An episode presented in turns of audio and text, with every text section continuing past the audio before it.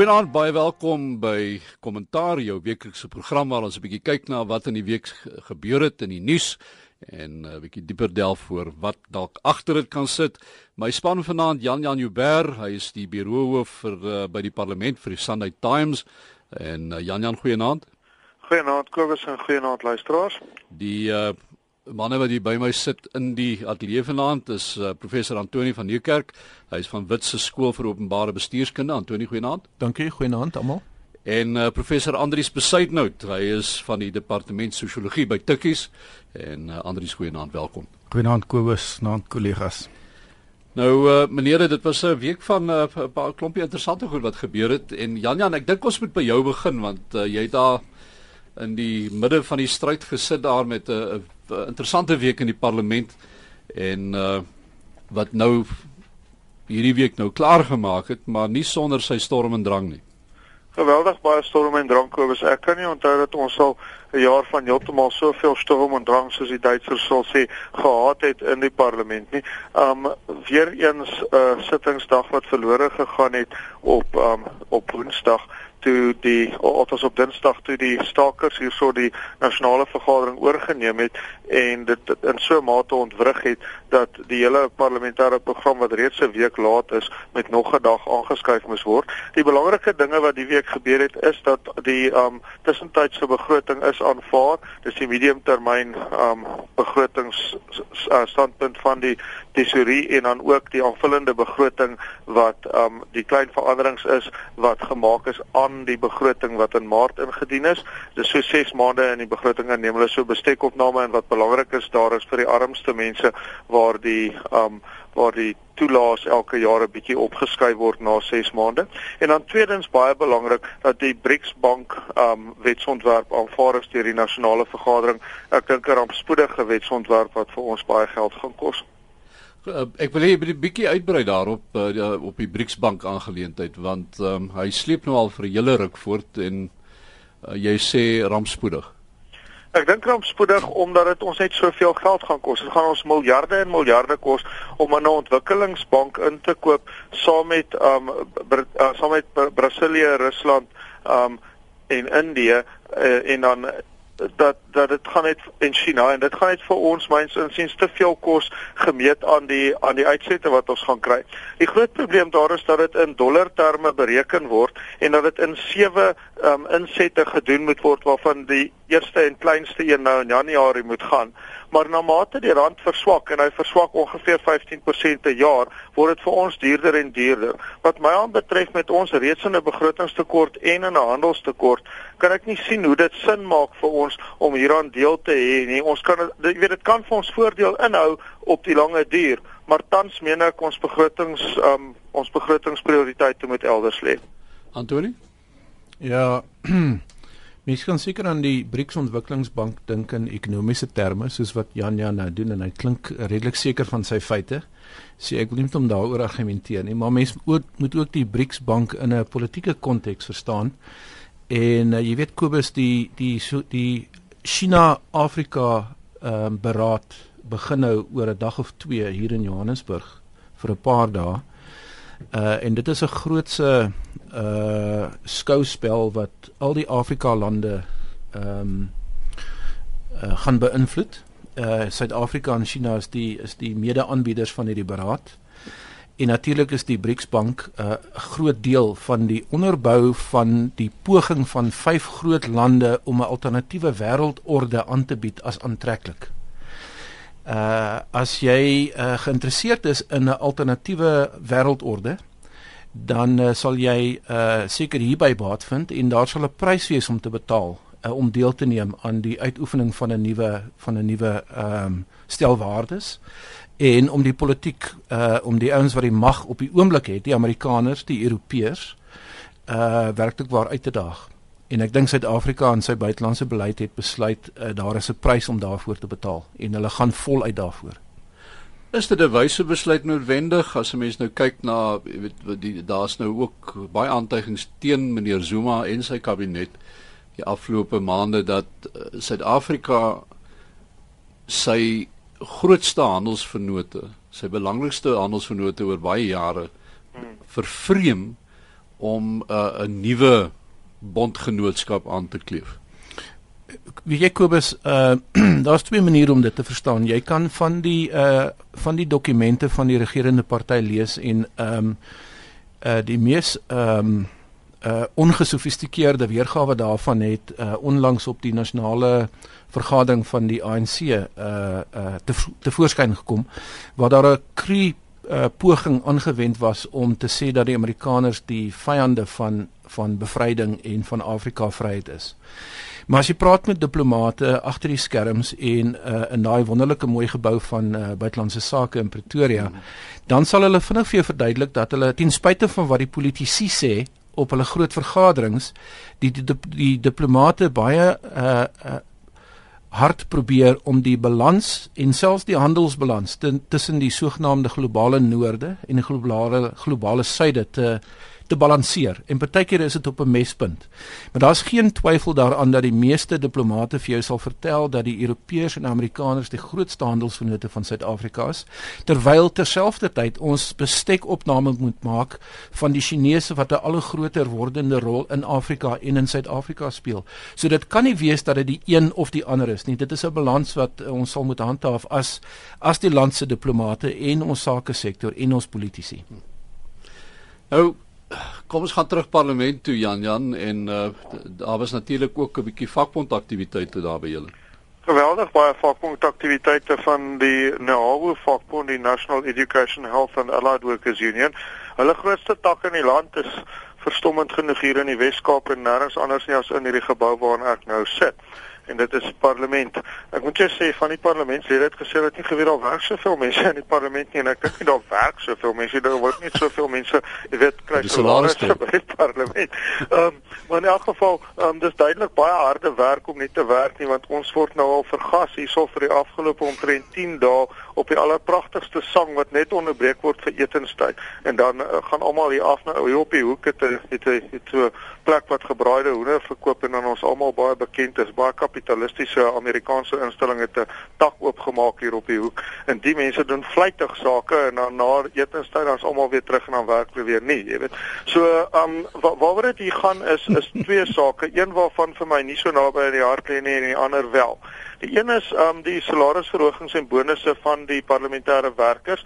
Nou dit is seker goed en wel dat hulle in hulle eie belang um jy weet wil beter vaar, want dit laat my redelik koud. Maar die tweede ding waar ek absoluut met hulle saamstem, is dat hulle ook opstaan teen die sekuriteitsering van die parlement, waaroor ons al heelwat op die program gesels het en waar ons in die Sunday Times en ek sien ook in City Press baie geskryf word, naamlik die rol wat die um wat die SSA die uh, staatse sekuriteitsagentskap die wat maar in die handel en wandel as die spioene bekend staan algaande meer speel hierso op wat die sentrum van ons oop demokrasie veronderstel is om te wees.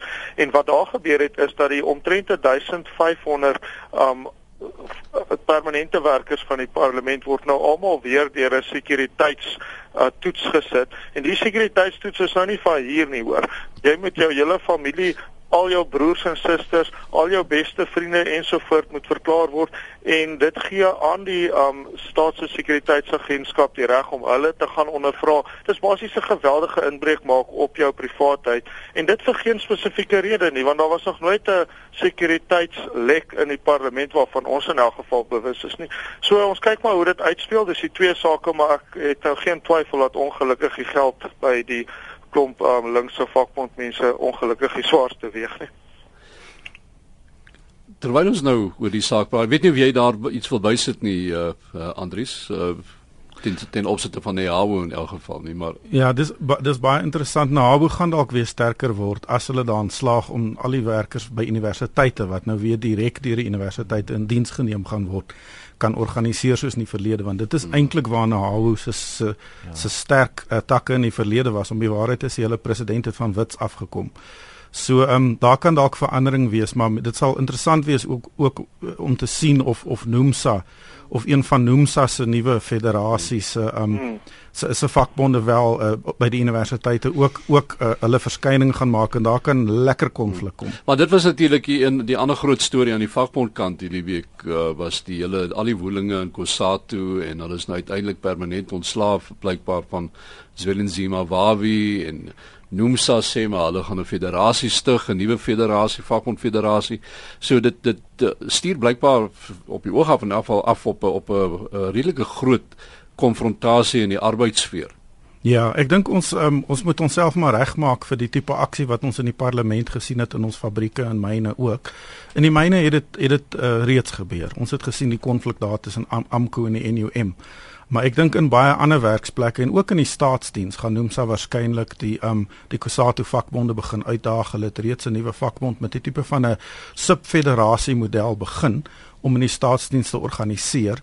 Uh, wat baie interessant is is dat Kusatu nou baie meer van 'n staatsdiensfederasie is. 60% van hulle ledegeld kom nou van staatsdiensvakbonde af en so 2 jaar terug was dit was dit 38%.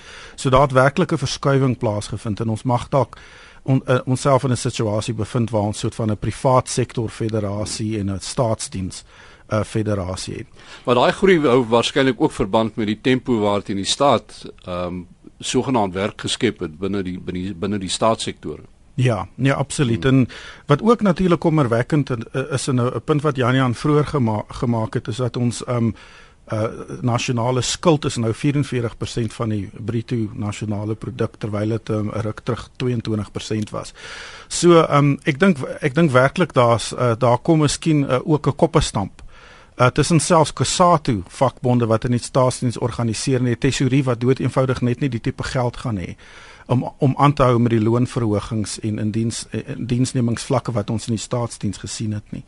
So daar daar kom daar kom bietjie aksie en ek dink dan 'n ander interessante ding wat by Kusatu gebeur het is natuurlik die aandrang van van die vakbonde dat Kusatu formeel, formeel moet toetree tot die opvolgstryd.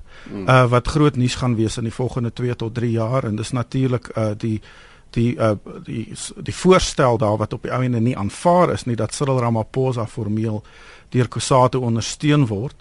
Um ewenwel het Kusatu 'n resolusie aanvaar wat sê dat die ANC se tradisies beskerm moet word en daai tradisie is natuurlik dat die adjunk president die president word. So hulle het in effek het Kusatu 'n posisie daarin geneem en en ons mag dalk verdere verdeeldheid dan in Kusatu sien as die opvolgstryd op opvolgstryd warm word. Aan die een kant so word gesê um Nkosazana Dlamini Zuma en aan die ander kant Cyril Ramaphosa. Maar kan ek vra, um, I mean Andrius, jy het nogal jou vinger op die pols van die van die vakbond en ek nou vandag wyd gelees dis bietjie ver van Kaapstad af behalwe nou vir die parlementêre moeilikhede is dit mos maar daar in die noorde van die land, maar ek nie lekker verstaan hoekom hierdie Kosato vakbonde nou vir Ramaphosa wil ondersteun nie. Begin challenge Charlie is um ou wat nou um jy weet 'n lang onderhoud mee gedoen is en sit die pres maar uiteindelik het dit nie vir my sin gemaak hoekom hulle hulle gewig agter hom ingooi nie. Ek dink aan die een kant gaan dit daaroor dat hulle hom ken. Um en dat hy as individu redelike sterk ondersteuning het. En 'n ander punt wat hulle maak en ek dink dis 'n punt wat burgers in ander Afrika lande geleer het, is beter om 'n president te hê met sy eie beursie. Um en wat nie die staat nodig het om sy lewenstyl te befonds nie. So ek dink dit is op 'n manier 'n reaksie teen die teen die teen die huidige teen die huidige president. Dis dis maar wat, wat ek in die gange hoor wat wat mense sê. Ek weet wel Gwede Mantashe sê dat hy probeer het om Kusatu te verhoed om hierdie hierdie gesprek oop te maak en gesprekke gehad het met die nasionale leiers. Ehm um, maar dat daar van die vloer af tipe van 'n uh, uh, reaksie gekom het en mense het daai deur wyd oopgemaak. Die vraag is ook hoe eerlik uh, Gwede Mantashe is wanneer hy so iets sê want uh, dit word nou alreeds bespiegel dat hy sien homself as die volgende visiepresident uh onder is 'n president Ramaphosa. Uh weet so hy speel sy kaarte ook nou. En wat natuurlik dan as Kusatu se resolusie geskiedenis word en die tradisie behou word, word Gwede Mantashe natuurlik president na Cyril Ramaphosa. Ek dink ja. ook hy het sy hy het sy woorde baie versigtig gekies sover ek kon sien. Hy het nêrens gesê wat hy gedoen het nie. Hy het net gesê wat hy nie gedoen het nie. Um en uh hy het glad nie aangedui of hy agter die skerms besig was om die dinge te beheer nie. Ek het ek het eintlik nogal sy onderhoud baie geniet. Hy's uitgeslaap man. Nou ons maar dis die Engelse sê watch the space. Uh, dit gaan interessant word Andrius dink ek oor die volgende klompie maande. Ja, ek ek hoop maar op 'n manier kan ons 'n um, tipe van 'n legitieme gesag in die werksplek herstel. As die parlement so chaoties is, hoop ek maar net ons ons kry um mense wat goed opgelei word in arbeidsverhoudinge by universiteite. Ons is amper weer terug in die 1980s. Hmm. Maar wat gaan gebeur as as Nomsa en hierdie ouens nou gaan en hulle skep 'n nuwe federasie. Ons het gekyk en ons het gesien wat gebeur toe AMKU begin het en hmm. en die die chaos wat dit ver, veroorsaak het. Die hele Marikana storie, maar daai daai geweldige tweespalt tussen uh, die NUM en AMKU en so aan. Nou met NUMSA en wanneer hulle nou begin organiseer? Wel 'n sekere radikalisering wat jy kon verwag. Ja, absoluut. Ek dink die belangrike storie hierso is wie saam met NUMSA gaan wil dans. En die groot vraag daar is NAKTO. En dit is die vakbond federasie by wie AMKU geaffilieer is en NAKTO kom uit 'n swart bewussyn en 'n pan-afrikanistiese agtergrond. So formeel steun hulle nie 'n politieke party nie, maar hulle het hulle lede aanbeveel met die vorige verkiesing of om of vir die PAC of, of die EFF te stem. Um So die groot vraag is wat NAK toe gaan doen en en as as Nomsa daan slaag om saam met AMKU en ander vakbonde uh, met met NAK toe dan 'n nuwe vakbondfederasie te vorm, gaan hulle werklik nog al 'n 'n 'n 'n 'n fundamentele uitdaging vir Kusatu se se hegemonie of dominansie wees. En uh, dit in, op uh, jy weet in die vooraan van 'n verkiesing. Ja, weet jy Kobus, kan ek vinnig sê, uh, as ek so luister na Andries, dan klink dit vir my uh, wat die universiteite aanbetref in die eerste plek asof die tafel gedek word vir volgende jaar sommer hier in Januarie al uh, vir verdere uh uh, uh protes aksie. Dit gaan nie net studente wees nie, maar werkers. Die hele kwessie van van universiteite wat nie kan bekostig om werkers aan te hou nie en dan die ding ge-outsource het, hoe sê jy dit in mooi Afrikaans? En uh en nou gaan hulle weer teruggehuur word en dit gaan ons almal by die universiteit 'n klomp geld kos. En as ons dit nie behoorlik doen nie, dan sien ek hoe dans die werkers op die tafels waar ek en Andrius moet klas gee. Uh en die tweede ding wat ek begin raak sien is ehm um, in plaas van stabiliteit in die werkplek, gaan ons dalk die teenoorgestelde beleef. Want ek vra myself af as mense nou luister na Kusatu se afgelope uh 'n paar maande se uitsprake en jy lees die kommentators in die koerante die afgelope week of 2 dan vra ek myself af of Kusatu regtig waar nog relevant is vir die nasionale politiek en of hulle eintlik nie werklik waar uh, aan die werkers meer aandag moet gee nie maar selfs al probeer hulle om aan die werkers aandag te gee gaan daar 'n uh, gaan daar 'n tweespalt wees tussen hulle en die ouens wat weggebreek het. So dit lyk geweldig problematies vir my. En ek wonder selfs of die uh, met die verkiesing komende op hande of daar werklik waar 'n linker faksie links van die ANC en die SAKP gevorm gaan word wat werkersklas ondersteuning gaan geniet en waar vakbonde 'n rol kan speel. So dit lyk vir my op hierdie stadium hier in laat November van die jaar is hierdie kwessie, hierdie ideologiese kwessie van wat doen ons met die drie party alliansie werklik waar die ouens sit met hulle hare in hulle hande. Ja, soos met hulle hare. Ja. Nee, ja, dankie Jan Jan. maar um, dit, dit dit gaan interessant wees veral in die Oos-Kaap hoe dit uitspeel en ek dink ook in die Limpopo munisipaliteite waar daar myne is. Um dit, ek dink dit kan nogal baie interessant wees, maar wat vir my as 'n meer miskien basiese persoon op hierdie op hierdie vlak um jy weet van belang is is as mens, jy weet Psalm 121 'n bietjie kan vat en sê, jy weet jy slaan jou oë op na die berge en jy wonder waar gaan die geld vandaan kom vir al hierdie dinge. Of dit nou die BRICS bank is wat eintlik vir my 'n nasionalistiese tipe van trotsheidsprojek is of nou die um die studente wat glad nie meer verhogings in klasgelde gaan ervaar nie of die werkers wat meer wil hê, waar moet die geld vandaan kom? Jan Jan, goeie punt wat jy daar maak en ek dink die ehm um, die ouditeur-generaal se se bevinding daar van is dit 25 uh, miljard rand. Mm, korrek. Wat uh wat wanbestee is. En ek dink as as die geld van iewers sou vandaan moes kom, is dit dalk die die belangrikste die belangrikste bron. En dis natuurlik dan die kanker in in in in in ons ekonomie en en die staat is is korrupsie. Nou terwyl ons nou oor hierdie goed praat, treine. Treine, treine en dis nie 'n liedjie waarna ek verwys nie, maar ehm um, die treine van Prasa wat hulle van die Spanjaarde gekoop het en nou sê die ouens nee, ons wil nou hierdie hierdie ouens met die treine terugvat en ons geld vir ons teruggee. Wat dink julle ouens daarvan? Ek koop as ek het 'n eenvoudige siening hiervan. Toe ek nou in die koerante lees dat uh hierdie slim ouens van Prasa lucky en die man sonder 'n graad die ingenieur. Ja, ja dis reg. 'n uh, Afro 4000 in plaas van 'n Euro 3000 gaan aanskaf teen die koste van is dit 2 of 3 miljard rand of miljard rand het ek gesien maar hier's 'n hier's iets nie reg nie. En inderdaad het die hele ding uh dis 'n tragiese tragiese komedie wat homself uitgespeel het.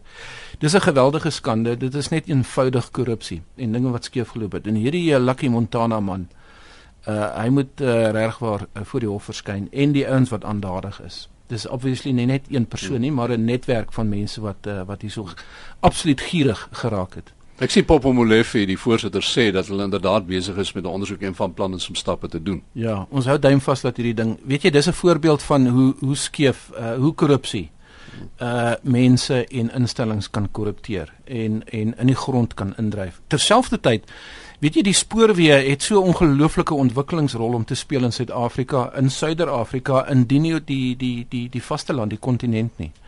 Weet die Chinese gaan nou juis volgende week of binne 'n paar dae hier in Sandton in Johannesburg aankom en hulle gaan vir ons honderde miljoene rande aanbied rondom ontwikkelingsprojekte en ehm um, Lamini Zuma van wie ons nou net gepraat het wat dalk 'n minister 'n president kan word alhoewel ek twyfel het hierdie droom hierdie visie van Afrika waar jy in Addis Ababa op 'n op 'n trein klim en dan ry jy Kaapstad toe so amper so saam met John Ja. Road soos ja ja moet hulle haar beeld ook afbreek. ja o ja. ja so ek hoop nie dit gebeur nie maar so daar's baie te sê vir vir die spoorweë wat wat ordentlik bestuur moet word en dit Hmm. dit gebeur net nie Maar mens moet dan daar dan sê ook uh, Antonie en en en Andries dat as ons nou terugkyk na die na die spoorweë, jy sê hy kan 'n baie belangrike rol speel. Hy het inderdaad 'n belangrike rol gespeel. Um en in die 90s toe is dit toegelaat dat die daardie rol vervaag. Die uh, die spoorlyne, ek meen ek ry baie hier in die platteland en so waar ek hoe staan daai toegegroeide spoorlyne die stasiegeboue wat vervalle geraak het en so aan en dis alles infrastruktuur wat hulle waarskynlik nou weer gaan moet herontwikkel met tyd. Ja nee, dis inderdaad so 'n bietjie soos die elektrisiteitsvoorsienings ehm um, probleem wat ons uh oor die afgelope 2-3 dekades beleef het.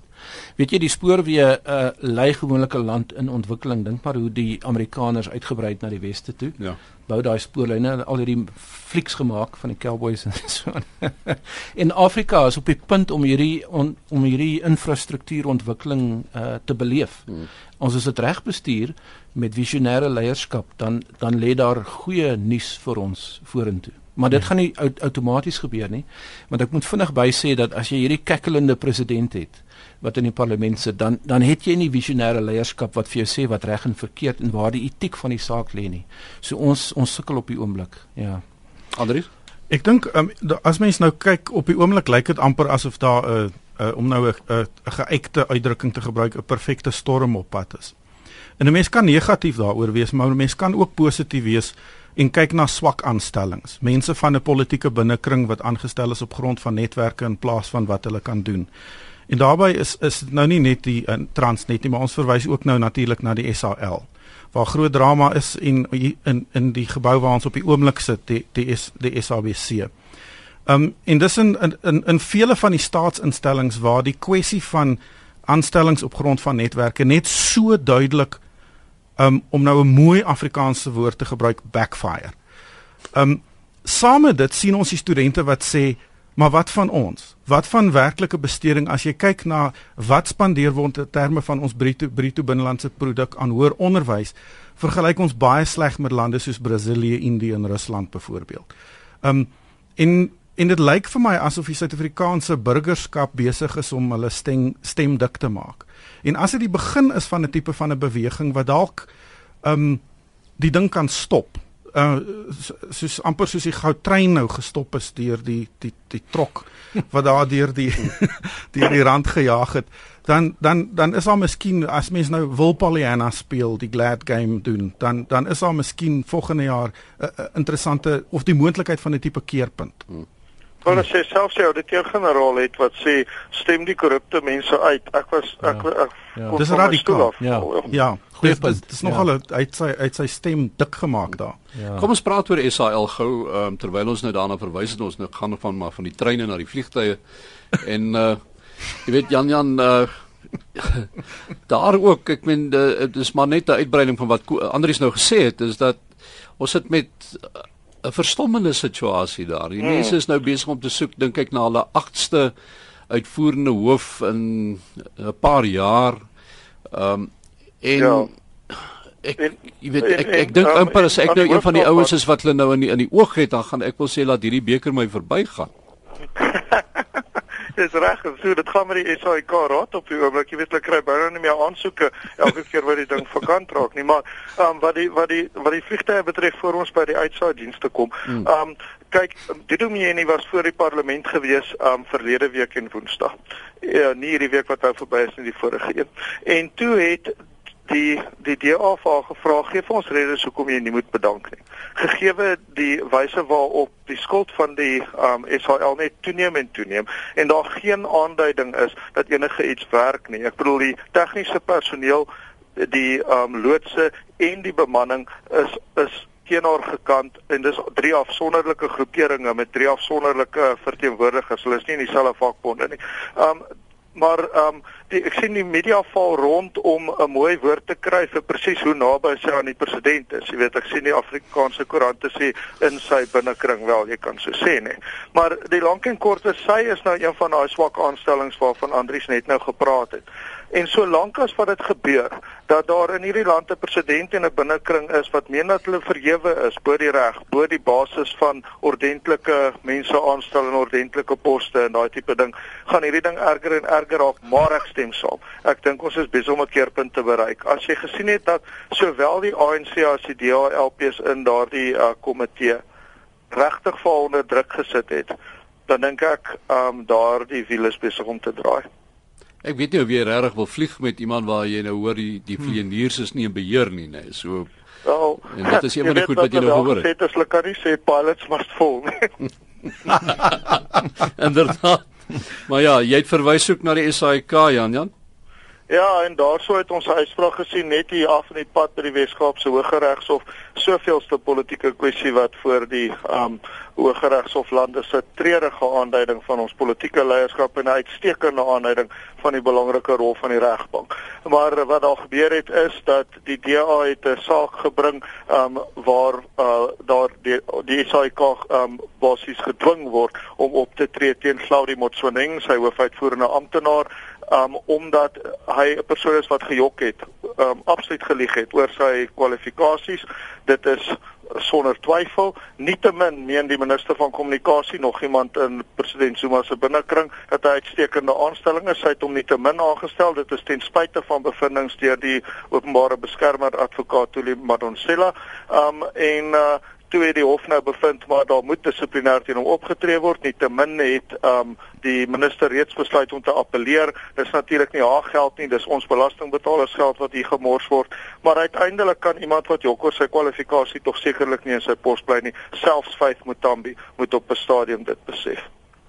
Maar dis 'n dis 'n patroon wat 'n mens uh, redelik wyd sien dat wanneer 'n hofsaak teen uh die staat gaan dan is daar so outomatiese reaksie om te appeleer en dit lyk vir my uh, uh niemand het nog ooit regtig daaroor jy weet gaan beswaar maak nie eers die ouditeur-generaal sit daar ook seker daaroor. Wel ek kan nie dink dat dit 'n goeie manier is om geld te bestee nie. Nou ja, dit is dan uh, die uitsaai wese wat ons dan daar agterlaat. Kom ons praat gou-gou Jan Jan want daar's 'n ander man wat 'n uh, bietjie keelskoon gemaak het uh, by name van Kebbi Mapatswe by die hierdie eienaardige storie wat in vanoggend se uh, koerante verskyn het van die bewering wat hy maak is dat die president vir hulle gewaarsku het dat daar gaan ehm um, terrorisme gepleeg word, daar gaan 'n uh, daar's mense wat die regering omver wil werp en dat hulle gaan begin met 'n aanval deur 'n uh, aanval te loods op die goudtrein. Ja, kyk, Kemi Mapatswe is die um ANC se MK veterane leier wat ook hierso in die regering vir 'n pos losgeslaan het en wat sy bestaan onmisbaar maak deur hierdie tipe alarmistiese geluide. Dis ook nou nie die eerste keer nie. Die vorige keer was dit om te beweer dat Tuli Madonsela die einste mos 'n agent is van die Amerikaners. So wie vir Kemi Mapatswe wil ernstig opneem hoe dit maar doen. Ek dink hy's maar net um iemand wat wat wat baie gemaklik is om te hê vir die meer alarmistiese lede van die ANC. Dit het mos ook aan die hand aan die lig gekom dat hy nie um in die bevrydingsstryd um gewond is soos wat hy beweer het in optrede vir die bevrydingsorganisasie nie maar terwyl hy probeer het om daar uit te dros. So mense moet maar besluit um, wat hulle van die man wil glo en wat sy volgende um beweringe is. Dit moet seker maar getoets word, maar as dit waar is, sal ek baie verbaas wees. Ja, Kobus net vinnig oor hierdie saak. Ehm um, uh, on, ons ken hom as 'n as 'n ou wat vinnig praat en snaakse dinge sê. Maar die tragedie hier is dat uh, die weermag is desperaat op soek na sterk leiers. Ons het 'n minister, maar weet jy uh, en ons het 'n verdedigingsbeleid wat nou deur die parlement aanvaar is. Maar ons soek nou geld om die weermag uh sy sy sy personeel en sy bates en die hardeware te herstel na 'n vlak waar ons kan trots wees op 'n weermag wat ont, ontplooi kan word op 'n oomblik se op 'n jy weet uh soos wat die krisis um ontvou uh ook in die buiteland. En daarvoor het jy kundige mense nodig wat die politieke proses kan bestuur om vir die regering te verduidelik hoekom ons geld moet spandeer aan 'n weermag uh en jy wil hê dat jou minister en jou adjunk daardie argumente maak in die in die openbaar in die publiek maar ook in die parlement. Nou sit jy met so 'n tragedie van so 'n persoon wat hierdie tipe van goed wat sê. Toe hy vir toe die Manansela ehm uh, uh, ongekla het as ware uh, dat sy werk vir die spioen vir die CIA het ek by myself gedink uh as hy nie ontslaan word van sy pos nie dan het ons regtig 'n probleem en dit is nou vir my 'n aanduiding van die die diepte van die krisis waarmee ons sit met ons ons president. Andries, enige? Ek wil um oor hierdie kwessie. Ons het nou gepraat oor die BRICS bank. Um en ons praat oor verdedigingsbeleid en ek ek wil nou omdat ek vir Antoni hier hier teenoor my het wil ek 'n vraag vra vanuit 'n politieke wetenskaplike oogpunt en dis die, die wat in Turkye aangaan op die oomblik en in Sirië.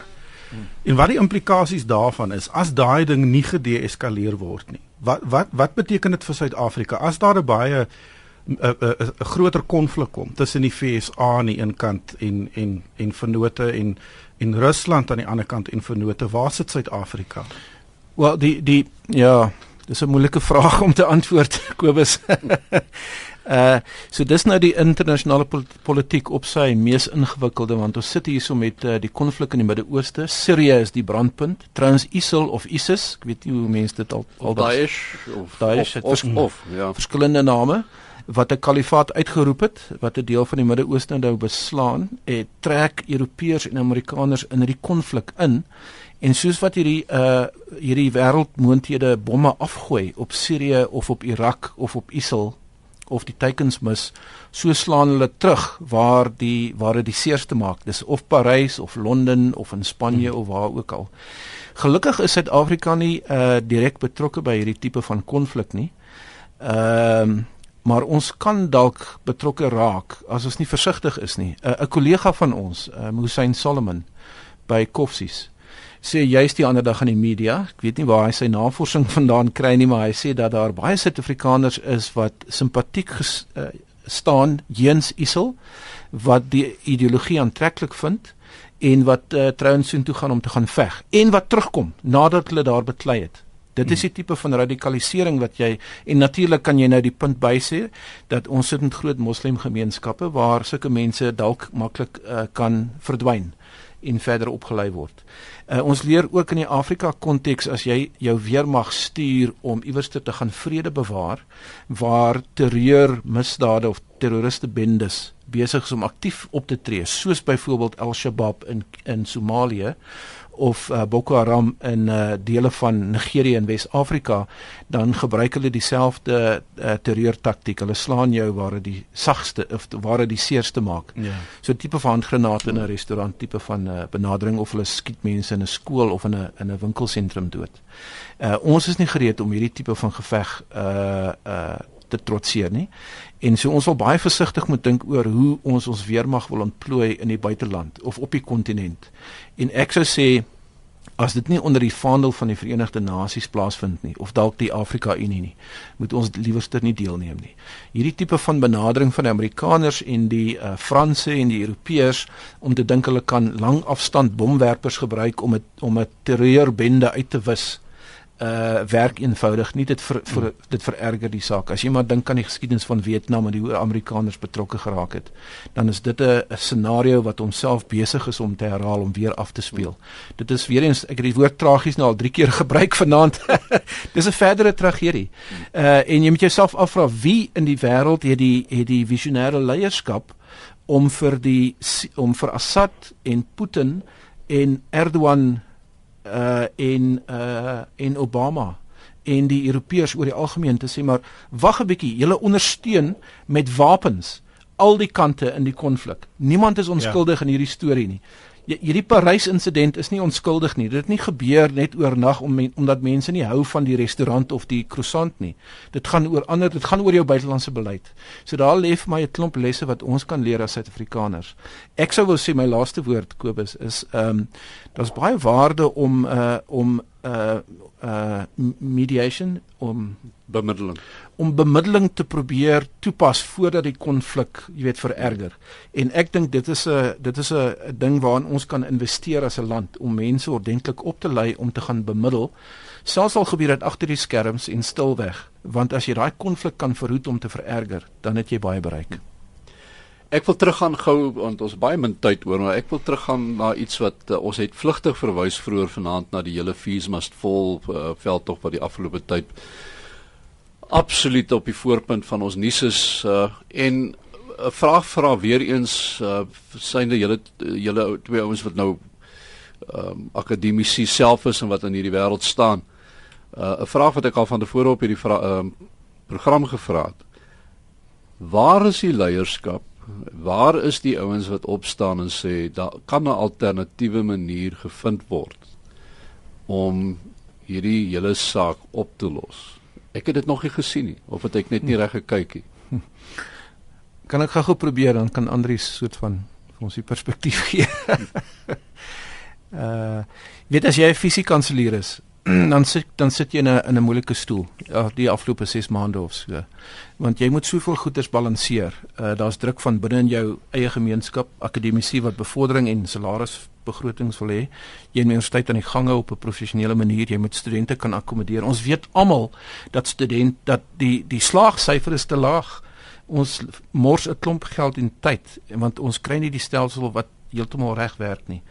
En terselfdertyd moet hulle beklei met die regering en by name Blyton Zimande, die minister van hoër onderwys wat hier, wat weet wat aangaan maar oënskynlik jy weet uh onskuldig in die saak is. So dit is baie moeilik om dan leierskap te toon en en en en kant te kies. Ek dink jy dis amper onmoontlik. Maar ek moet ook daarby sê dat ek dink dat mense agter die skerms probeer werk Kobus om die private sektor in te trek in die befondsingskrisis waarmee studente nou sit. En ek moet vinnig by sê my laaste sin. Hierdie ding is nie nou verby nie. Dit gaan volgende jaar ja. weer opnuut opvlam. Ja. Andries 30 sekondes. Ek moet dan sê in in die die dele wat ek gesien het tot op ons kampus was daar ongelooflike leierskap van gewone sekuriteitswagte, Brooklyn se polisie wat ongelooflik professioneel was. En ek dink op ons kampus, um, ek wil nou nie tikkie se beel blaas nie, maar dinge is baie goed bestuur in die algemeen. Um, ons weet nie of dit volgende jaar weer so goed gaan gaan nie. Maar ek dink tog ons sien onder die studente, onder gewone mense, gewone universiteitsamptenare, sien mens vlakke van leierskap wat ek dink besonder is en dis die tipe leiers wat op die ou einde die waardeur die drif getrek het in die in die vroeë 1990s toe ons onderhandel het in hierdie land. Die nasionale leiers was belangrik. Maar in elke werksplek en elke in elke stadsraad was daar gewone mense wat wat wat tevrede onderhandel het. En ek dink ons het weer 'n nasionale akkoord nodig van mense en hopelik met 'n nuwe leierskap met 'n bietjie meer visie as die as die huidige leierskappe om die waar deur die drif te trek. En dit wat uh, is die wyse woorde van professor Andrius Besuitnout tuis van die departement van sosiologie van Tikkies. Saam met hom hier in die ateljee vanaand was Antoni van Niekerk, professor Antoni van Niekerk van die Wits skool vir openbare bestuur of bestuurskunde. En uh, in die Kaap het ons gepraat met Jan Jan Joubert, hy is die parlementêre uh, bureauhoof van Sunday Times. Meneer, baie dankie vir julle deelname vanaand. My naam is Kobus Bester. Ons groet tot volgende Sondag aand 8uur. Totsiens.